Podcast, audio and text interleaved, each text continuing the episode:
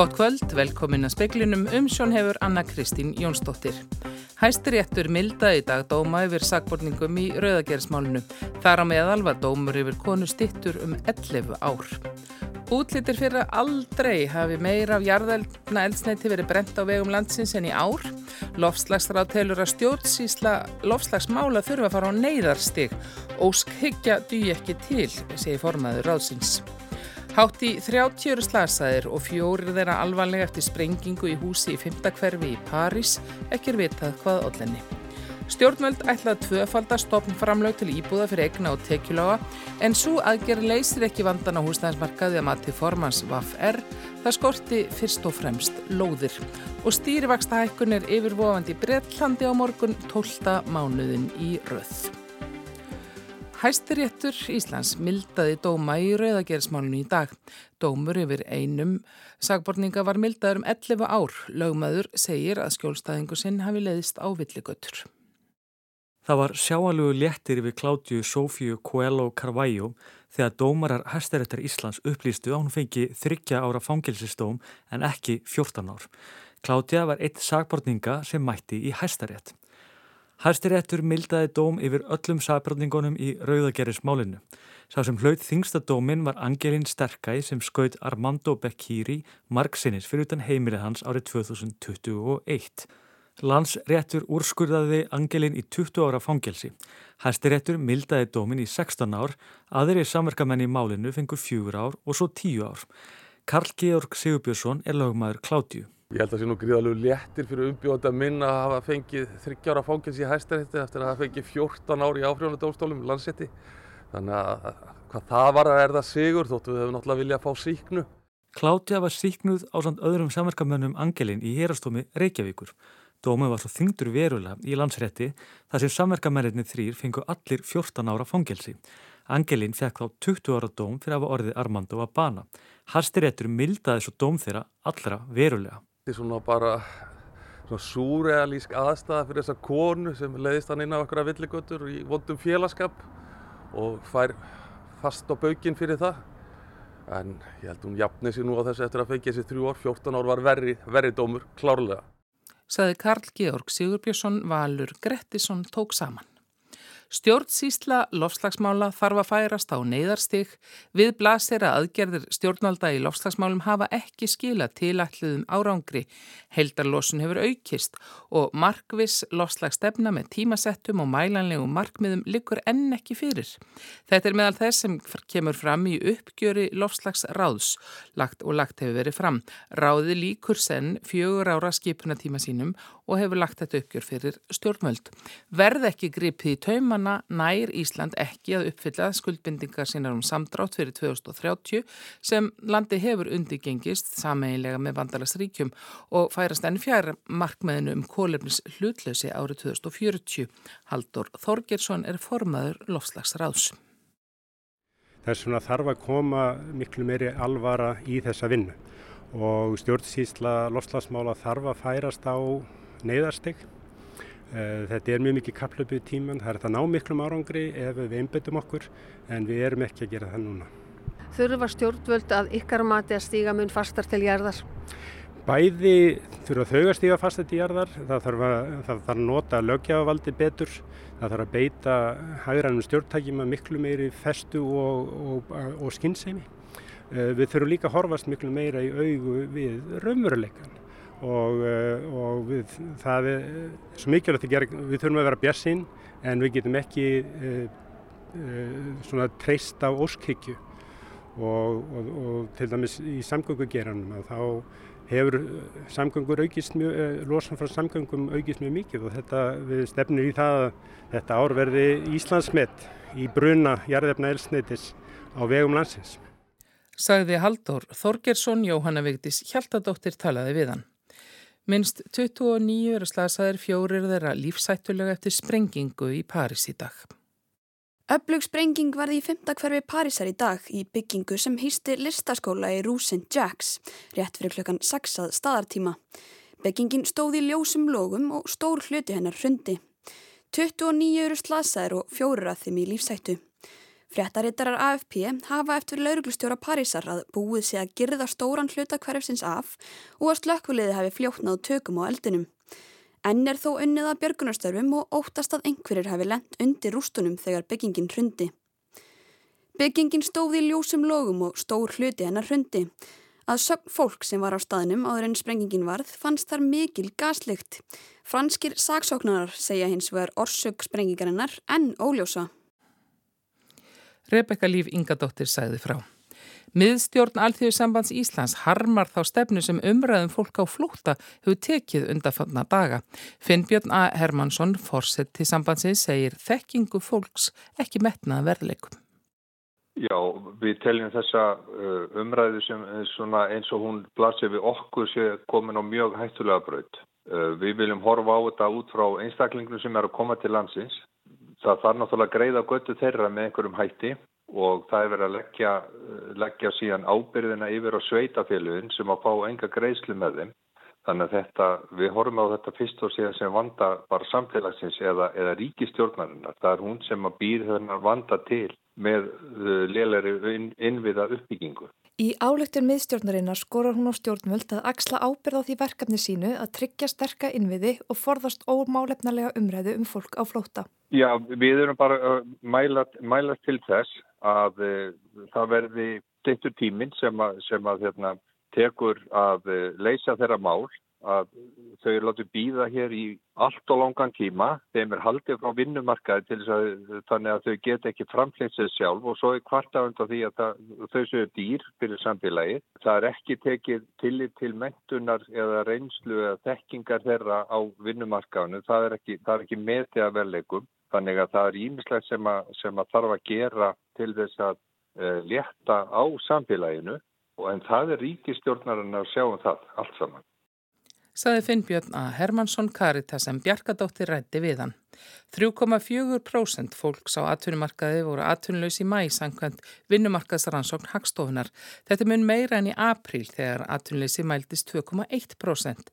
Þetta er ekki til þess að ungt fólk streymir út á vinnumarkaðin þegar skóla líkur því ekst atvinnuleysi alltaf um þetta leiti árs og sólinn var hæst á lofti á norður kvelijarðar rétt fyrir þrjú í dag á sumarsólstöðum. Sólinn færist aftur suður eftir sólbögnum og lækkar á lofti á ný. Sólstöður eru tvísvara ári í júni og í desember. Nafnið sólstöður vísa til þess að sólinn séð frá jörðu stendur kyrra á himni. Hún hættir að hækka eða lækka á lofti og gerist það á sömu stundu allstaðar á jörðinni. Sólstöður er hægt að tímasetja hárun ákvæmt. Yfir sumartíman hallar norður kveljarðar í átt til sólar. Þá rýs sólinn í norðaustri og sest í norðvestri.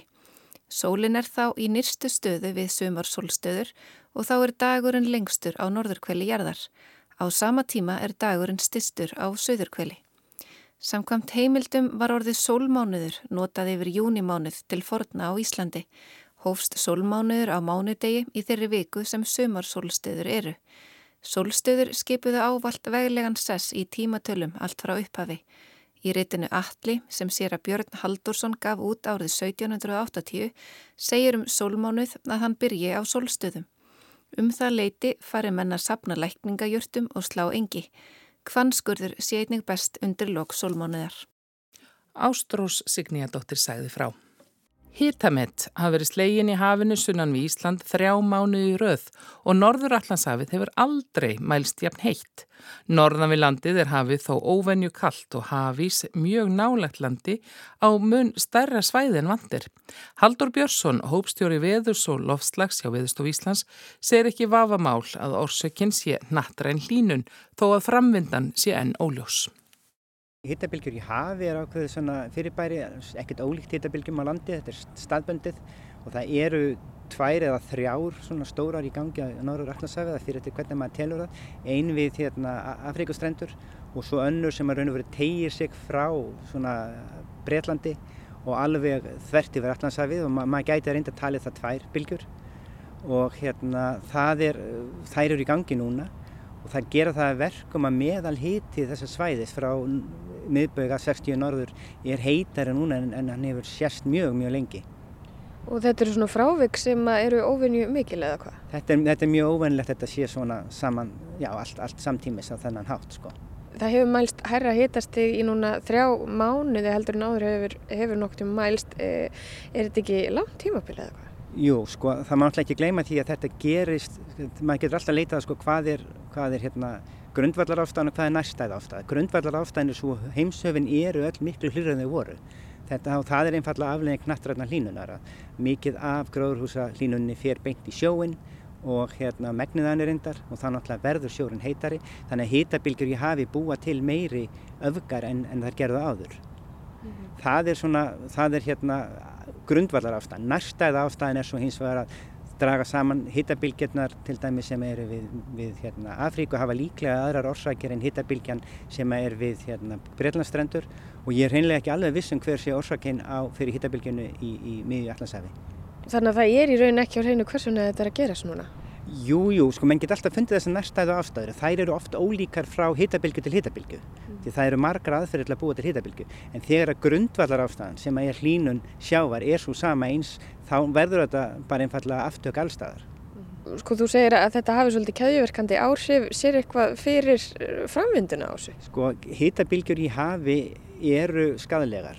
Það er yfirleitt. Það er hérna auka lagskiptingu sjávar sem hefur alls konar áhrif á lífríki. Þetta er mjög mikið rannsakað eins og stendur sko og yfirleitt eru þannig hittabilgjur í hafi valda tjóni og það er jafnveg dæmi mjög mikil efnagsleg tjón, uh, alltaf svona næstum því miljard dollara fyrir eina bilgju sem var einhvern veginn við sílestrendur og svo framvegið sko. Uh, hittabilgjur almennt í heiminum er að valda tjónu upp á sko, við erum að tala um þúsundir miljardar dollara og hérna á svona frá 1990 og hérna þannig að það er alveg, hittabilgjur valda, eru yfirleitt skadlegar að séu kannski það ekki okkar svæði en hittabilgjur í hafi eru alltaf öðruvísa því leita að það er búa til þessa lagskiptingu sem er ekki mjög góð því að hún hefur áhrif, mikið lagskipting eftir hafinu hefur síðan áhrif á, á næringarefni og annað og þar með áhrif á lífríkið og, og ef að best minna næringu upp á auðborðið þá, þá hérna, er það slemt fyrir lífríkið og, og það eru þannig áhrif sem eru að valda tjóni mjög víða. Þannig að við getum séð ég að vel áhrif af þessu á fiskistofna og fleira?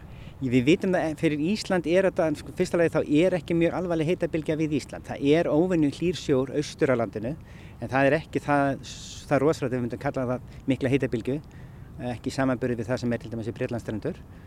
Og, og sko þessi, hér er það þannig að, að, að yfirleitt er það miklu vindar að það, það hrærir upp hafinu og það verður ekki þessi, það verður ekki, heitabilgjur ná ekki að búa til þessu ofsalega hættilegu lagskiptingu. Mm.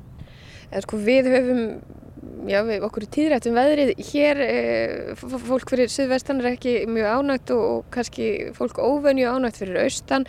Hef, hafa þessir, hafa þessar hýtabilgjur og, og hérna undarlegt svona, já, hýtastega á allanshafinu einhver áhrif á viðfar hér til dæmis? Já, það er reyndar mjög áhugaverð. Sko, fyrstulega er ástæða þess að hlýja hýta í sjónum austur á landinu er öruglega eitthvað tengt í hversu, hvernig viðrið hefur verið síðustu vikur að það er búið að vera sólríkt og það hittar yfirbór sjóun á þessu svæði. En síðan er það þannig að maður skoðar allansæfið þá er norðan við Ísland er ekkert sérstaklega hlýtt, það er frekar kallt og það er meira annars má sjá í því að það er óvenju mikið af svona út, óvenju mikil útbreyðsla hafís. Jábel þó að magnísi kannski ekki svo mikið en þá er hafís óvenjulega næri landi með ástíma. En hérna það er norðan við landið og ef maður set, að reyna að spá fyrir um, um útlitið fyrir sömarið og ég var, tók þátt í þessu fyrir ekki svo lengur síðan uh, alþjóðlegt samstarf um þetta þá er, eru spár núna fyrir sömarið þannig að það er raun og verið elda þetta, þetta hita, þessi, þessi hítamerki það er að segja allstaðar það sem að hafið er óvinni heitt gera með ráð fyrir að verða óvinni heitt í sömar en þar sem hafið er kallt sem er þá norðan við landið og austan við grænland þar er ekki gert ráð fyrir að verði lítið sömur. Sko hafa þessar hitabreitingar ykkur áhrif á hafströyma og þá, þá ströyma sem hefur verið einhvern veginn treyst á til þess að ganga að einhverju vísu í þessu viðfari? Ekki þessa, sko, þetta eru hitabilgjur í hafi, hitabilgjur eru mjög líkar, sko, hvort sem það eru í hafi eða landi þá eru það reyns, þetta eru skamma í fyrirberi, það eru lang, miklu langlífari þó í hafi af því að það gerist allt miklu hægar þar en hérna taka mánuð að byggjast upp og mánuð að hverfa en þær eru eftir sem áður eru þær ekki sko, þess eðlis að þær hafi stórkoslega áhrif á, á haftræma. Þetta var Haldur Björnsson, Hafdís Helga Helgadóttir talaði við hann.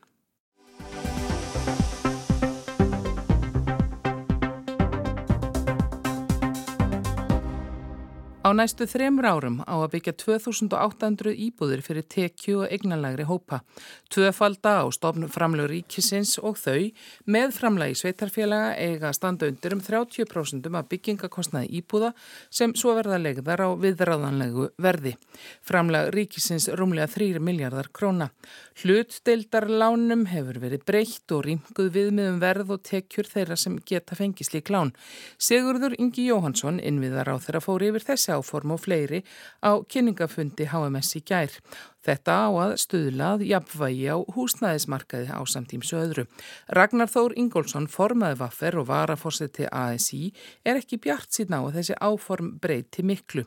Þetta bætist í flaum yfirlýsinga um aðgerði frá stjórnvöldum sem hafi litlu skilað, margar síu nefndinnar en minna um emdinnar. Kanski mitt viðhorf til eh, þessara yfirlýsinga sem hafa verið að koma með mjög reglulegu millibili frá innviðar á þeirra um stórfæld uppbyggingu að hún er ekki mjög trúverðug uh, sérstaklega í ljósi þess að vandamálið er ekki uh, stofframlögin það blasti alltaf við að þyrta auka uh, stofframlög með að við fyrri yfirlýsingar um, um 35.000 íbúður á tiltöknum tíma og ákveðir hlutfall eða 30% af þeim fari í hagkvamar íbúður og svo 5% í félagslegt.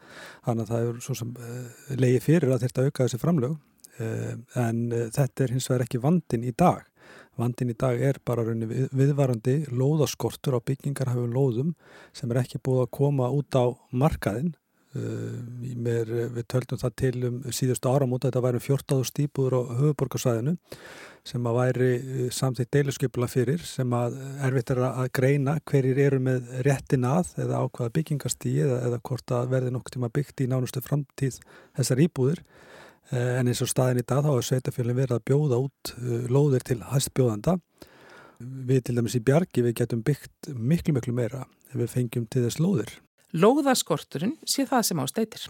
Í kjærasamlingum 2019 þá sömdu við um að fá kellnaholtið inn í byggingu hafkvæmu húsnaði og því var lofað í þeim samningum. Það var síðan selt eh, aftur í öðrum samningi í, í gegnum betri samgöngur og borgarlínu hluti að því landi átt að fara í hagkvæmar íbúður en, en restin á að selja og opna markaði til þess að fjármagna borgarlínuna. Blikastæðalandið, eh, það er í eigu Arjónbanka og þar eh, sé ég ekki annað en að markaður mun, muni algjörlega ráða för þar. Svo er til byggingaland upp í Úlósardal sem að borgin geti eh, reynda að, að, að ná til sín og flýta þar uppbyggingu. Þannig að það er alveg til byggingaland en eins og staðin er í dag þá er ekkert að fara að gerast það næstu árin.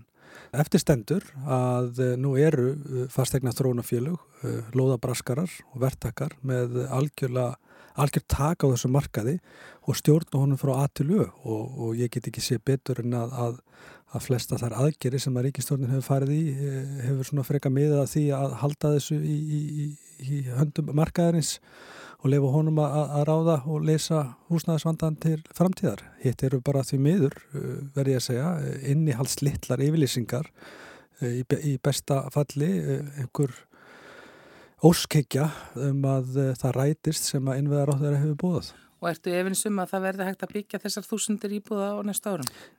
Mér þetta er allavega gott að vita hvar, nákvæmlega hvar. Ég veit að borgin hefur listið yfir allavega með yfirlýsingum að segja, auka loðaframbúð en þá verður líka fylgjað, fylgjað í hvar. Við í Bjargi og líka inn í Blæ við erum að fá tilbúð frá einmitt loðahöfum sem að hafa yfirbóðið inn á markaði og er að bjóða okkur núna að stíga inn í verkefni bæði ákveðinu byggingastegum og sem er líka að fá lóðir sem þetta er að byggja á en það er vermið hár. Við erum að horfa á sko 200 skall fermeterinn sem verður að bjóða okkur lóðir á sem að borgin eða, eða önnur sveitafjöl hafi verið að bjóða út og, og, selja og þetta er, er svolítið að býti skottið á sjálfur sér vegna þess að, að, að eh, þessi gríðalega hái húsnæðarskostnaður enda síðan sem byrði á sveitafjöluunum að leysa með alls konar úrraðum og styrkjum og um, sérstaklega stuðningi til þeirra sem bara hreinlega standi ekki undir þessu. Ragnar segir að þyrti áttak eins og þegar breyðholtið byggðist upp á sínum tíma. Íbúðafélagi Bjarg hafi byggt hátt í þúsund íbúðir en byggingakostnaðun hafi hækkað mikill og þar stefni frost. Allt sem samin hafi verið um við stjórnvöld hafi verið barið niður eða þynt út og að yngu orðið. Þar gildi sama um hlutdeldarlánin sem nú sé verið að laga en ekki nóg, útvíkanir á fjárfæstingarheimildum líferisjóða, húsalegulögin og margt fleira. Mín skilabóð til fólks er bara búið ykkur undir það vesta vegna þess að staðan hún á eftir að vestna til mikill að muna. Í vetur var samið til skamstíma, hort til þess að verðbolga og vextir væri á flugi og vonaða stiltist.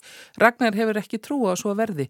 Fjöldi fólks þurfi að takast á við stökkbreytingar á vöxtum og afborgunum á næstu missurum þegar lán þeirra sem festu vexti breytist, leikumarkaðunum sé erfiðari en nokkru sinni. Ásandið er hrigalegt og það er bara, það er bara að fara að vestna og það, og það er svo skelvilegt að horfa upp á þetta þegar að það eru til lausnir og það er hægt að leysa þetta. Þetta er leysanlegt uh, en það tekur tíma. En því miður, ég er nú búin að vera í þessu lengi og húsnæðismálun hafa verið mér hjartasmál en að horfa upp á starfsóp eftir starfsóp, nefndir eftir nefndir og engar emdir. Þetta er átakanlegt að verða að vitna þessu og, og, og það er eh, og líka það, þú veist, það eru margir stjórnmálamenn sem ég þekki og hef unni með innan úr ríkistjórninni sem að hafa uh, eh, synd þessum málumflokki mikinn áhuga uh, en ná bara einhverju gegn. Og Ragnar gefur lítið fyrir talum að skuldast aða heimila og vanskil hafa ekki versnað til muna. Ef við tökum bara vanskilin, byrjum á þeim, þá getur ekki farið í vanskil við bankan. Það er nánast ómögulegt að fara í vanskil við bankaðin. Eh, ef þú hefur gefna á overtræðalánun og breytilegum vöxtum, þá getur þú fengið overtrykt endur fjármögnun á, á, á jafnkvæmslalán. Ef þú hefur gefna á því, þá getur þú farið í blandalán. Ef þú hefur gefna á borgað því, þá getur þú farið í, í verðrillán, jafnkvæmslalán, sem er uh, lagsta greiðslubyrið. Uh, þeir eru búin að endur fjármagni þannig, það sem hefur gerst með hækkandu húsnæðisverði, að veðrými fastegna hefur náttúrulega aukist, það sem að ver, verðmætið þeir hefur aukist skriðila, fastegna mat hefur hækkað mjög mikið og bankarnir hleypaðir í endurfjármögnun og allskins úrraði e, til þess að geta staðið skilum. Þeir bjóðu upp á greiðslu fresti, Arjóbanki bjóðu upp á sumafrí, en það sem gerist alltaf e, og er ekki sagt frá að e, greiðslu frestinir þeir fara bara aftun á höfustólinn. En þú ert aldrei skráður í vanskil. En það er ekki fyrir enn, það gerist að e, bankin er búin að geta upp eigið í egninniðinni, þú ert búin með alltaf veðrýmiðitt og öll önnur úrræðir eru búin þá er kannski meira spurningi, hvað munum bankandi gera þá? Við vissum hvað þeir gerðu hér eftir hrun þegar skuldirnar stöppbreytist með öðrum hætti. Það var þá höfustólinn og til dæmis út á gengistriðulánunum og, og svo framvegis að þá uh, varstu komið neikvægt fyrir bara nánast á ein, einni sveipstundu. Hérna eru afborgundan alltaf að hafa er að stökkbreytast en það mun getast fyrir yfir aðeins lengri tíma. Þannig að, uh, og þetta mun gerast og þetta mun gerast mjög rætt en þanga til að þessi snjóhengja brestur að uh, þá verða auðvitað engin vanskil hjá böngun. Saði Ragnar Þór Ingólfsson.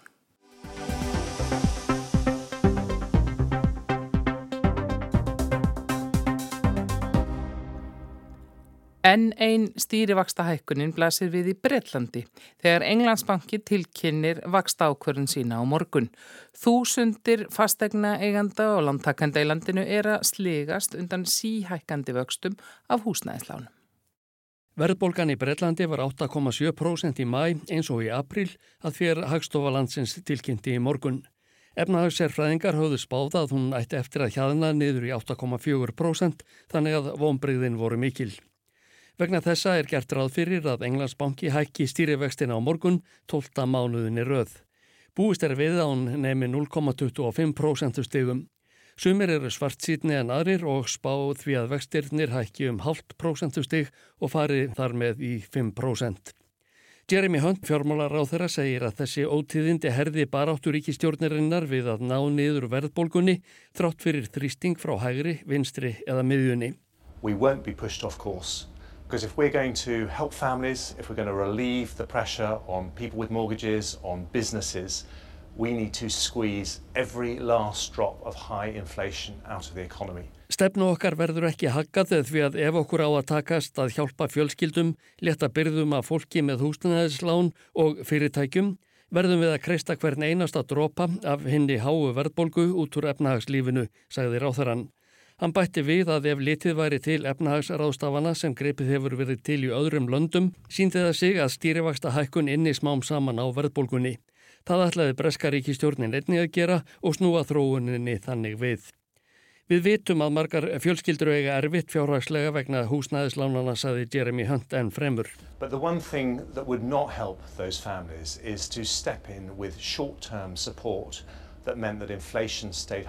that and those mortgage rates stayed higher for longer. Sara Coles, yfirumadur ráðgjafar þjónustu hjá fjármálafyrirtækjunu Hargreaves Landstán, segir í viðtali við AFP fréttastofuna að það séu slæmtíðindi að verðbólgan sé ekki á nýðruleið. Verra sé þó að svona kjarnaverðbólga sé á uppleið. Það er að verðbólga af frátöldum orkukostnaði og verði á áfengi, tóbæki og matvælum. Hún fór í 7,1% í síðasta mánuði og hefur ekki verið meiri í 31 ár. Kóls gerir ráð fyrir að lækkuninn á rafmagni og gasi eigi eftir að skila sér en þó aðeins þannig að verða á nöðsynjavörum eigi eftir að hækka hægar en upp á síðkastið. Verðbólgan kom að vonum til tals á þingi í dag þegar Rísi Súnak forsættisráþara svaraði fyrir spurnum þingmanna. Gýr Starmer, leiðtói verkamannaflokksins og stjórnaranstöðunar gerði harda hríða að honum. 13 years of economic failure and a Tory kamikaze budget which crashed the economy and put mortgages through the roof. 13 ára efnahagsleg óstjórn í halsflokksins hefur valdið hruni í efnahagslífinu og hækkað húsnæðislánin upp úr öllu valdi, saði Starmer og spurði Rísi Súnvaka hvað fastegna lána refsing í halsmanna kostaði hvern lántakanda að meðaltali. Hann svaraði því ekki en taldi upp ímsar efnahagslegar ráðstafanir sem stjórnvöld hafa greipið til vegna ástandsins, engum til að hjálpa þeim efnaminstu. The question he refuses to answer, he actually knows the, the answer to this question, is £2,900 extra. Spurningin sem hann neytar að svara og hann veit svarið við eru 2900 sterlingspunda hverja fjölskyldu saði starmer. Hann sagði að sérfræðingar hefðu varað fórsættis ráð þeirra við því síðastleiðu haust að staðan færi versnandi. Annað hvort hefði hann ekki skilið varnaðar orðin, ekki trúað þeim eða verið alveg sama. Að minnstakosti hefði hann ekki gert neitt. Við þetta þyknaði í Rísi Súnak. Hann taldi upp nokkrar ráðstafanir sem verkamannaflokkurinn vildi grípa til í vonum að slá á verðbólguna. Allar hefðu þær öfug áhrif. Verðbólgan myndi aukast en ekki hjaðna. Policies, have